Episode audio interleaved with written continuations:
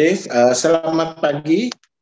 Assalamualaikum warahmatullahi wabarakatuh. Selamat pagi, um, wargi Tribun Jabar, para Tribuners. Kembali kita bertemu kembali dalam acara Government Talk hari ini, tanggal 31 Januari 2022, hari terakhir di bulan Januari, awal tahun ini. Dan kali ini kita akan berbincang-bincang dengan Pak Medi Mahendra, Sekretaris Dinas arsip dan perpustakaan Kota Bandung gitu ya.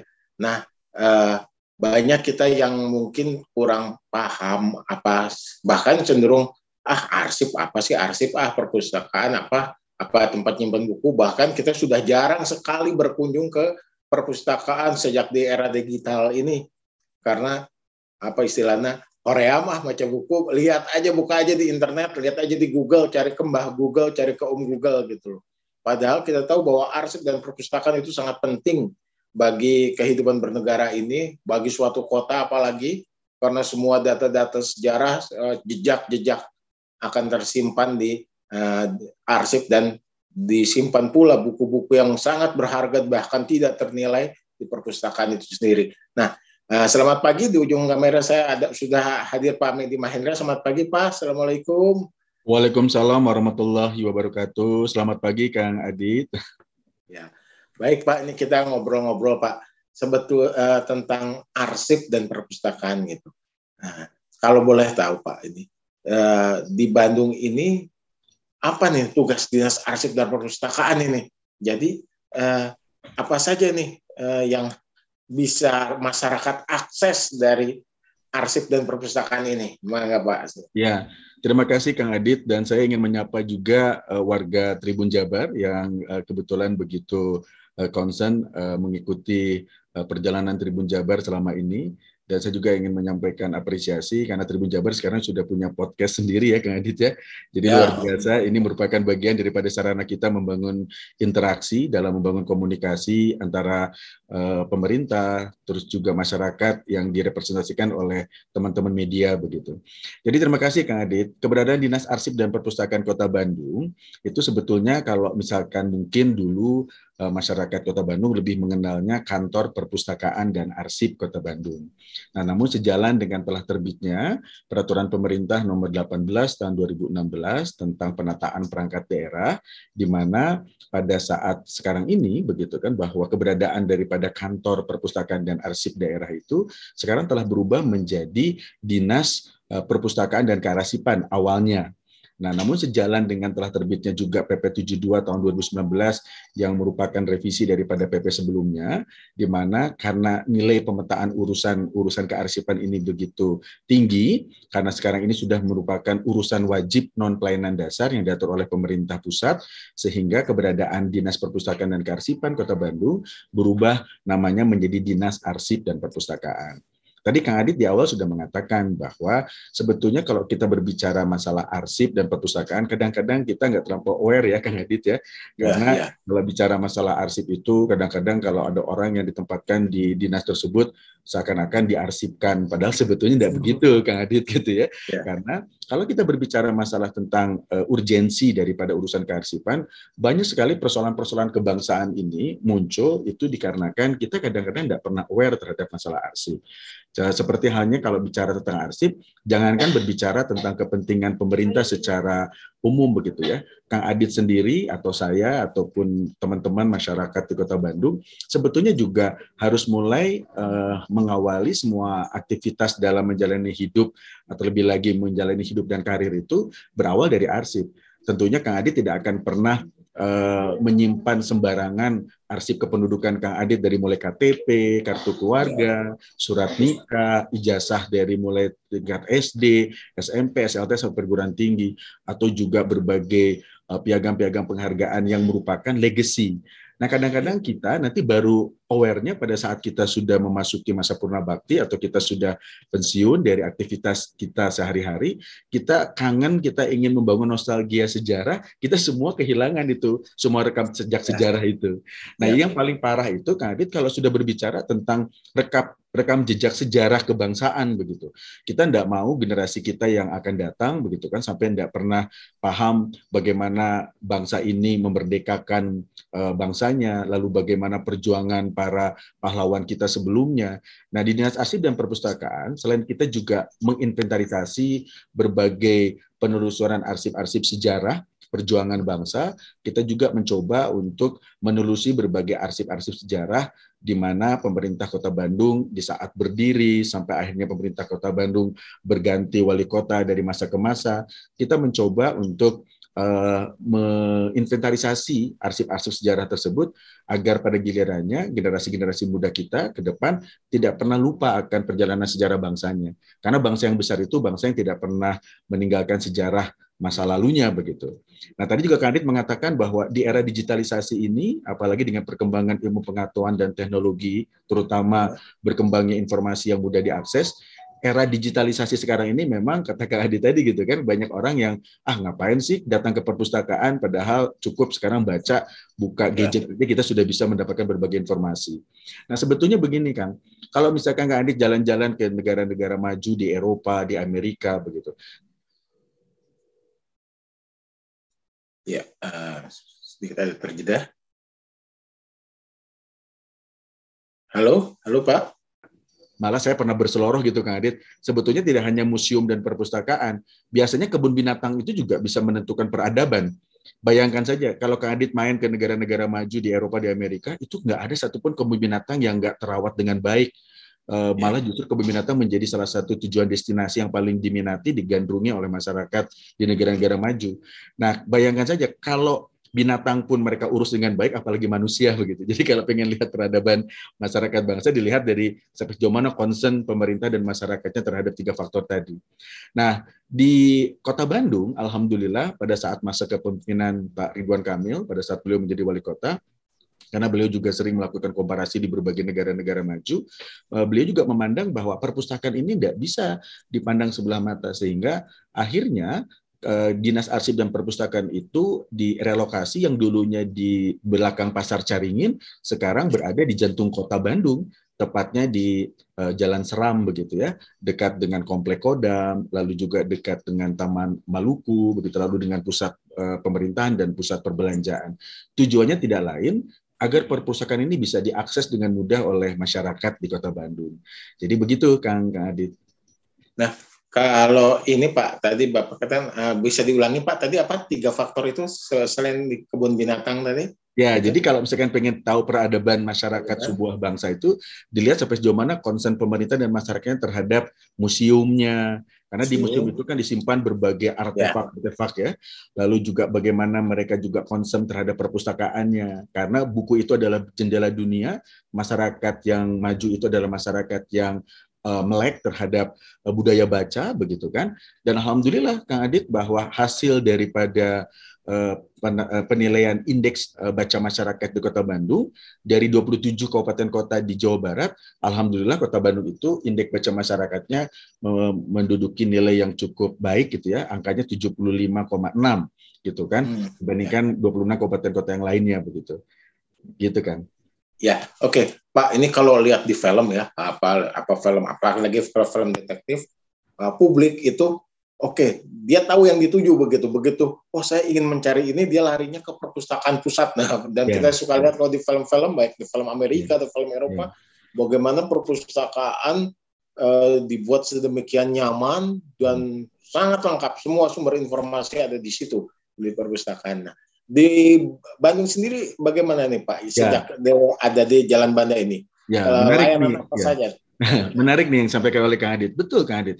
Jadi bagaimana masyarakat ingin care, ingin peduli, ingin aware gitu kan terhadap keberadaan perpustakaan. Kalau perpustakaannya sendiri dari penataan lingkungannya tidak menarik, lalu juga dari koleksi bukunya juga tidak menarik. Nah, oleh karena itu kami dari Dinas Arsip Perpustakaan sejak 2017 kami mencoba melakukan berbagai akselerasi dan inovasi di mana kalau Kang Adit main atau jalan-jalan ke Dinas Arsip perpustakaan, saya meyakini Kang Adi tidak akan sejam dua jam, mungkin bisa seharian betah sekali tinggal di Dinas Arsip dan Perpustakaan karena mau lihat kita memiliki banyak koleksi buku. Kita punya koleksi buku itu hampir kurang lebih sekitar 30 7.000 judul dan hampir kurang lebih 105.000 eksemplar begitu kan. Ini merupakan sebuah koleksi yang nggak main-main gitu kan.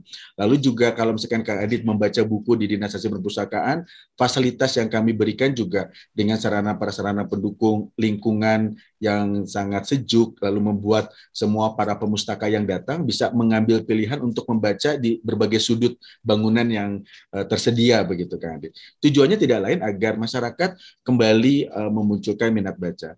Nah sebelum terjadinya uh, pandemi COVID, Kang Adit, uh, COVID-19 uh, dua setengah tahun yang lalu begitu ya, bahwa Dinas Arsip dan Perpustakaan terutama untuk layanan perpustakaan bagi layanan pemustaka di Kota Bandung, kami ini kedatangan hampir 300 sampai 350 pemustaka yang datang ke perpustakaan. Hmm. Nah, tapi setelah adanya pandemi COVID, karena kita juga menutup pelayanan sesuai dengan protokol kesehatan yang ditetapkan oleh pemerintah, nah sekarang kita sudah mulai lagi membuka nih, Kang Adit. Jadi oh, iya. sekarang iya hampir kurang lebih dua bulan terakhir ini kita sudah membuka layanan, tapi tentunya masyarakat juga paham tentang protokol kesehatan karena kondisi pandemi ini juga belum berakhir, sehingga yang datang ke perpustakaan itu ya kurang lebih setiap harinya ada 60 sampai 70 pemustaka yang datang begitu. Tapi karena berbagai uh, kita memiliki empat lantai uh, dinas uh, arsip dan perpustakaan ini sehingga 60 pemustaka yang datang itu tentunya tidak akan berdesak-desakan, mereka juga akan merasa nyaman hmm. kalau mereka ingin membaca di tempat, gitu Kang Adi.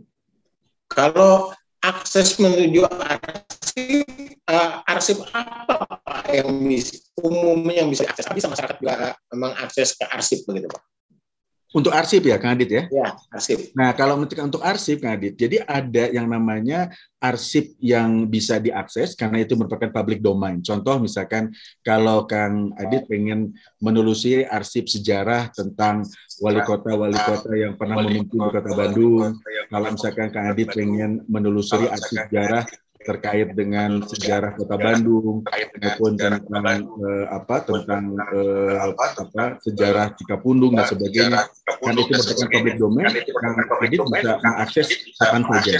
Nah tapi ada beberapa arsip yang sifatnya arsip uh, statis yang notabene itu merupakan uh, arsip uh, yang merupakan uh, rahasia negara maupun rahasia pemerintah tentunya tidak bisa diakses dengan publik oleh public domain. Nah, namun tentunya kalau misalkan ingin memperoleh sepanjang bahwa ada surat resmi yang dilayangkan kepada dinas kami untuk memperoleh penelusuran arsip dimaksud, kami akan layani begitu. Oke. Nah, apakah juga uh, sistem perpustakaannya berjaringan seperti yang banyak di luar negeri? Jadi misalkan uh, kita uh, tidak ada akses buku di perpustakaan ini, nah dari perpustakaan sini uh, kita bisa melihat akses buku ke perpustakaan lain, misalnya di perpustakaan dinas sejarah angkatan darat atau misalnya perpustakaan perguruan tinggi mana gitu. Apakah uh, ada ini di di ya, betul. Di, ya, terima kasih Kang Adit. Ini menarik juga pertanyaan Kang Adit. Jadi kebetulan keberadaan daripada Dinas Arsip dan Perpustakaan Kota Bandung, terutama untuk urusan perpustakaan ya Kang Adit ya, bahwa karena kita merupakan lembaga perpustakaan daerah, di mana kami ini melakukan tugas melakukan pembinaan begitu kan hmm. Eh, terhadap eh, unit-unit perpustakaan yang tersebar di masyarakat. Nah, jadi kalau misalkan tadi Kang Adit nggak menemukan buku sesuai dengan ekspektasi Kang Adit karena koleksi bukunya tidak tersedia di perpustakaan Kota Bandung. Nah, yeah. kami akan mengantarkan Kang Adit untuk membuka koleksi eh, buku-buku uh, yang tersedia di perpustakaan lainnya. Karena kita pun membangun jejaring dengan beberapa unit-unit perpustakaan terutama juga unit-unit uh, perpustakaan yang berupa taman bacaan masyarakat masyarakat.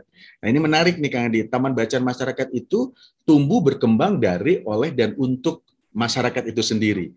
Nah, sehingga uh, mereka juga di bawah uh, binaan kami dan kami juga melakukan uh, kerjasama melalui jejaring uh, Pokja Literasi, kelompok kerja literasi. Dan di mana Pokja Literasi ini dipimpin oleh Bunda Literasi yang uh, uh, dalam hal ini Umi Siti yang menjadi uh, Bunda Literasinya. Uh, walaupun uh, apa sekarang ini uh, karena uh, kesibukan beliau begitu kan sebagai anggota DPRD Provinsi Jawa Barat. Nah, beliau sekarang menyerahkan uh, tampuk pimpinan Bunda Literasi ini kepada Ibu Yunimar sebagai istri Pak Yana selaku PLT Wali Kota untuk melanjutkan tugas-tugas sebagai Bunda Literasi. Nah, keberadaan Bunda Literasi ini menghimpun berbagai kelompok-kelompok penggiat literasi, Kang Adit, yang hmm. tersebar di seluruh kota Bandung. Ada penggiat literasi yang mereka memiliki taman bacaan masyarakat mandiri, lalu juga uh, penggiat literasi yang mereka juga punya latar belakang sebagai seorang praktisi pendidikan, begitu. Kita juga sekarang membina beberapa perpustakaan-perpustakaan yang ada di kelurahan, di kecamatan, lalu juga di sekolah-sekolah. Uh, karena kalau misalkan uh, untuk uh, dengan adanya PP 18 itu 2016 itu Kak Adit bahwa urusan uh, sekolah SMA SMK kan ditarik kewenangannya oleh provinsi. Nah, jadi yang kita lakukan binaan itu adalah perpustakaan-perpustakaan yang ada di SD, yang ada di SMP begitu. Tapi tentunya tidak menutup kemungkinan uh, pola pembinaan yang dilakukan secara komprehensif sepanjang koordinasinya dengan Dinas Perpustakaan dan Kearsipan provinsi bisa kita lakukan dengan bersinergi begitu kan. Nah, kalau mau meminjam di perpustakaan Kota Bandung ini apakah harus menjadi anggota, Pak? Gitu nah gini. atau ya kalau mau pinjem gitu kan kalau mau pinjam gitu uh, apa namanya uh, ada baiknya uh, menjadi anggota perpustakaan gitu ya. Kalaupun misalkan tidak menjadi anggota perpustakaan bisa saja begitu kan uh, tapi tentunya uh, sambil membacanya di tempat begitu ya.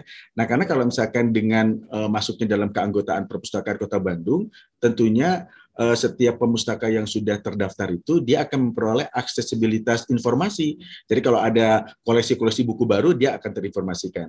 Dan hmm. satu hal juga Kang Adit bahwa pemustaka di Kota Bandung tidak hanya saja mereka bisa mendaftarkan diri sebagai anggota perpustakaan dengan secara langsung directly datang ke kantor, tapi juga bisa melalui elektronik pustaka. Kita pun menyediakan uh, fasilitas buku-buku digital, Kang gitu kan buku-buku digital. Kita memiliki hampir kurang lebih uh, eh, 1.500 ya Bu Feli ya 1.500 judul ya. Ya, 1.500 judul kurang lebih kan, dan eksemplarnya hampir kurang lebih sekitar uh, ribuan, uh, malah sampai uh, 7.000 uh, eksemplar ya Kang ya. Nah itu Eh, koleksi-koleksi buku dalam elektronik pustaka itu bisa diakses oleh pemustaka dengan mendownload langsung e-pustaka Kota Bandung, kan. Jadi pustaka. Ya, jadi kalau misalkan nggak dapatkan buku-buku dalam koleksi buku yang secara fisik ada di kantor kami, nah mereka pun bisa mengakses melalui elektronik pustaka, kan. Nah, syaratnya apa Pak kalau untuk menjadi anggota perpustakaan di Kota Bandung nih? Syaratnya seneng baca aja kan.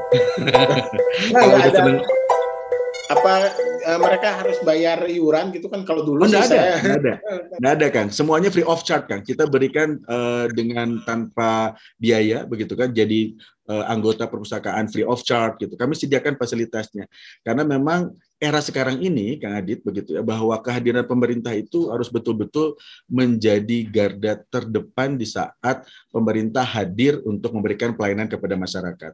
Sehingga konsep pelayanannya sepanjang pelayanan itu bisa dipermudah, nggak boleh coba-coba dipersulit begitu ya. Jadi nggak ada lagi paradigma kalau misalkan urusan dengan birokrasi sepanjang bisa dipersulit kenapa dipermudah gitu ya. Tapi justru harus sekarang paradigmanya berubah sepanjang pelayanan itu bisa dipermudah nggak perlu harus dipersulit. Jadi untuk terdaftar jadi anggota perpustakaan di Kota Bandung, ya syarat paling utamanya warga Kota Bandung kan. Kita akan prioritaskan itu karena memang untuk memenuhi kebutuhan layanan bagi para pemustaka yang warga Kota Bandung aja luar biasa kan sekarang animonya luar biasa banyak begitu. Sampai sekarang aja untuk elektronik digital saja dari slot 5000 eh, apa eh, user yang yeah. uh, bisa dimanfaatkan oleh para pemustaka di Kota Bandung sekarang sudah overload kan malah kita sekarang sudah lebih dari 5000 dari ketersediaan user yang kami sediakan sehingga untuk beberapa pemustaka yang kalau dia sudah terdaftar tiga bulan berturut-turut kita lihat dalam grafiknya ternyata tidak ada peminjaman,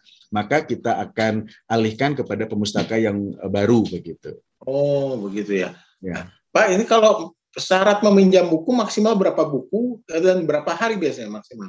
Bisa, kalau buku syarat meminjam buku itu kurang lebih sekitar uh, tiga uh, tujuh buku tujuh buku dan itu juga untuk uh, apa namanya uh, interval waktunya tujuh hari begitu. Oh mohon, mohon maaf kalau untuk peminjaman bukunya paling banyak tiga buku, tapi untuk interval waktunya tujuh hari. Oh gitu ya, tiga buku. Seperti gini, misalkan Kang Adit mau memanfaatkan peminjaman buku di elektronik pustaka, itu kan digital ya Kang ya. Nah ya. itu Kakang itu eh, boleh meminjam tiga buku gitu kan. Nah eh, masa pinjamnya tujuh hari. Nah kalau misalkan ternyata tujuh hari gitu kan, Akang belum juga eh, apa mengembalikan, maka secara otomatis eh, apa eh, aplikasi yang kami sediakan itu dia akan mengembalikan dengan sendirinya kepada eh, servernya gitu kan. Tapi nanti kalau akan mau pinjam tinggal diklik lagi aja begitu. Nah kalau peminjaman secara fisik juga sama Pak, tujuh hari juga maksimal tiga ya, Fisik juga sama kan? Fisik juga sama. Hari gitu. Eh, ya. banyak mana Pak saat ini peminjaman secara elektronik apa secara fisik Pak eh, saat saat ini ya. di Ya, ini menarik nih Kang. Karena ternyata begitu kan animo masyarakat Kota Bandung itu masih banyak yang senang datang langsung. Dia pilih-pilih oh. buku gitu secara fisik gitu ya. Karena mungkin ada sensasi tersendiri ya Kang ya. Karena ternyata ya. setelah kita lakukan survei banyak sekali para pemustaka yang senang membaca buku secara fisik dibandingkan dengan digital. Apalagi kan kalau misalkan baca bukunya pakai gadget itu kan lama-lama mata kita lelah ya Kang ya. ya betul, Tapi kan kalau membaca buku secara fisik kalau sudah lelah istirahat dulu nanti baca lagi begitu. Nah, kalau di saya suka lewat di depan di situ ada mobil, silahkan baca buku gratis. Nah, itu apa Pak? Eh, kalau itu itu layanan ya. apa? Betul, Kang Adit. Jadi kendaraan yang kita simpan di depan kantor itu, itu buat masyarakat yang enggan untuk berkunjung ke dalam, begitu kan? Kita siapkan juga itu perpustakaan keliling, Kang. Jadi kita memiliki beberapa armada mobil uh, perpustakaan keliling yang kita uh, mobilisasi di beberapa kecamatan di Kota Bandung. Uh, namun selama pandemi ini kita fokus dulu untuk mengoperasionalkan dua kendaraan perpustakaan keliling. Yang satu kita simpan di sekitar Jalan Seram, yang satu lagi kita simpan di Taman Dewi Sartika Balai Kota, Kang Adit. Tapi kalau oh. seandainya kondisi pandemi ini udah betul-betul landai, Nah, insya Allah ke depan bahwa seluruh armada kita juga akan kita kerahkan lagi untuk uh, menyambangi beberapa pemustaka di beberapa wilayah di 30 kecamatan kan. Iya. Ya, karena kita tahu bahwa sejak eh, zaman kolonial Bandung sudah dikenal sebagai kota literasi ya kota. Ya betul betul. betul. Banyak uh, toko buku toko buku lama ya itu selain perpustakaan dan juga perpustakaan. Ya betul betul kan. Ya. Gitu.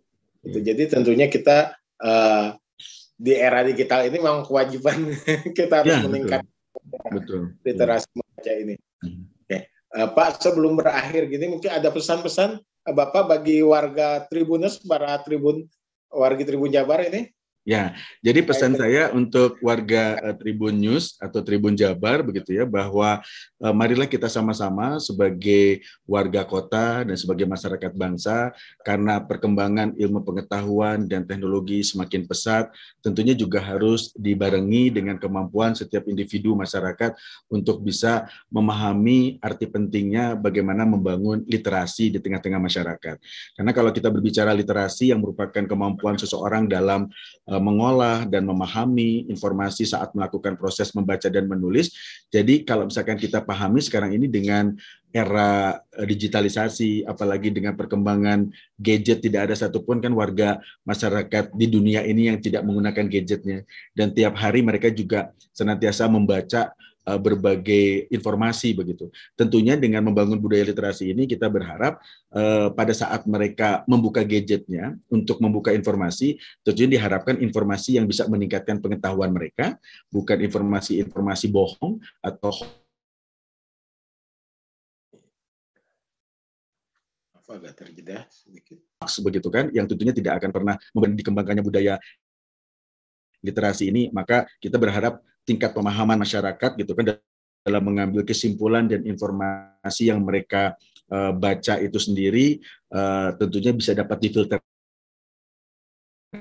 gitu kan. Karena orang-orang yang senantiasa membangun budaya literasi mereka lebih bijak tapi berbagai perkembangan informasi yang berkembangnya budaya literasi kita akan memiliki kemampuan untuk memberikan penilaian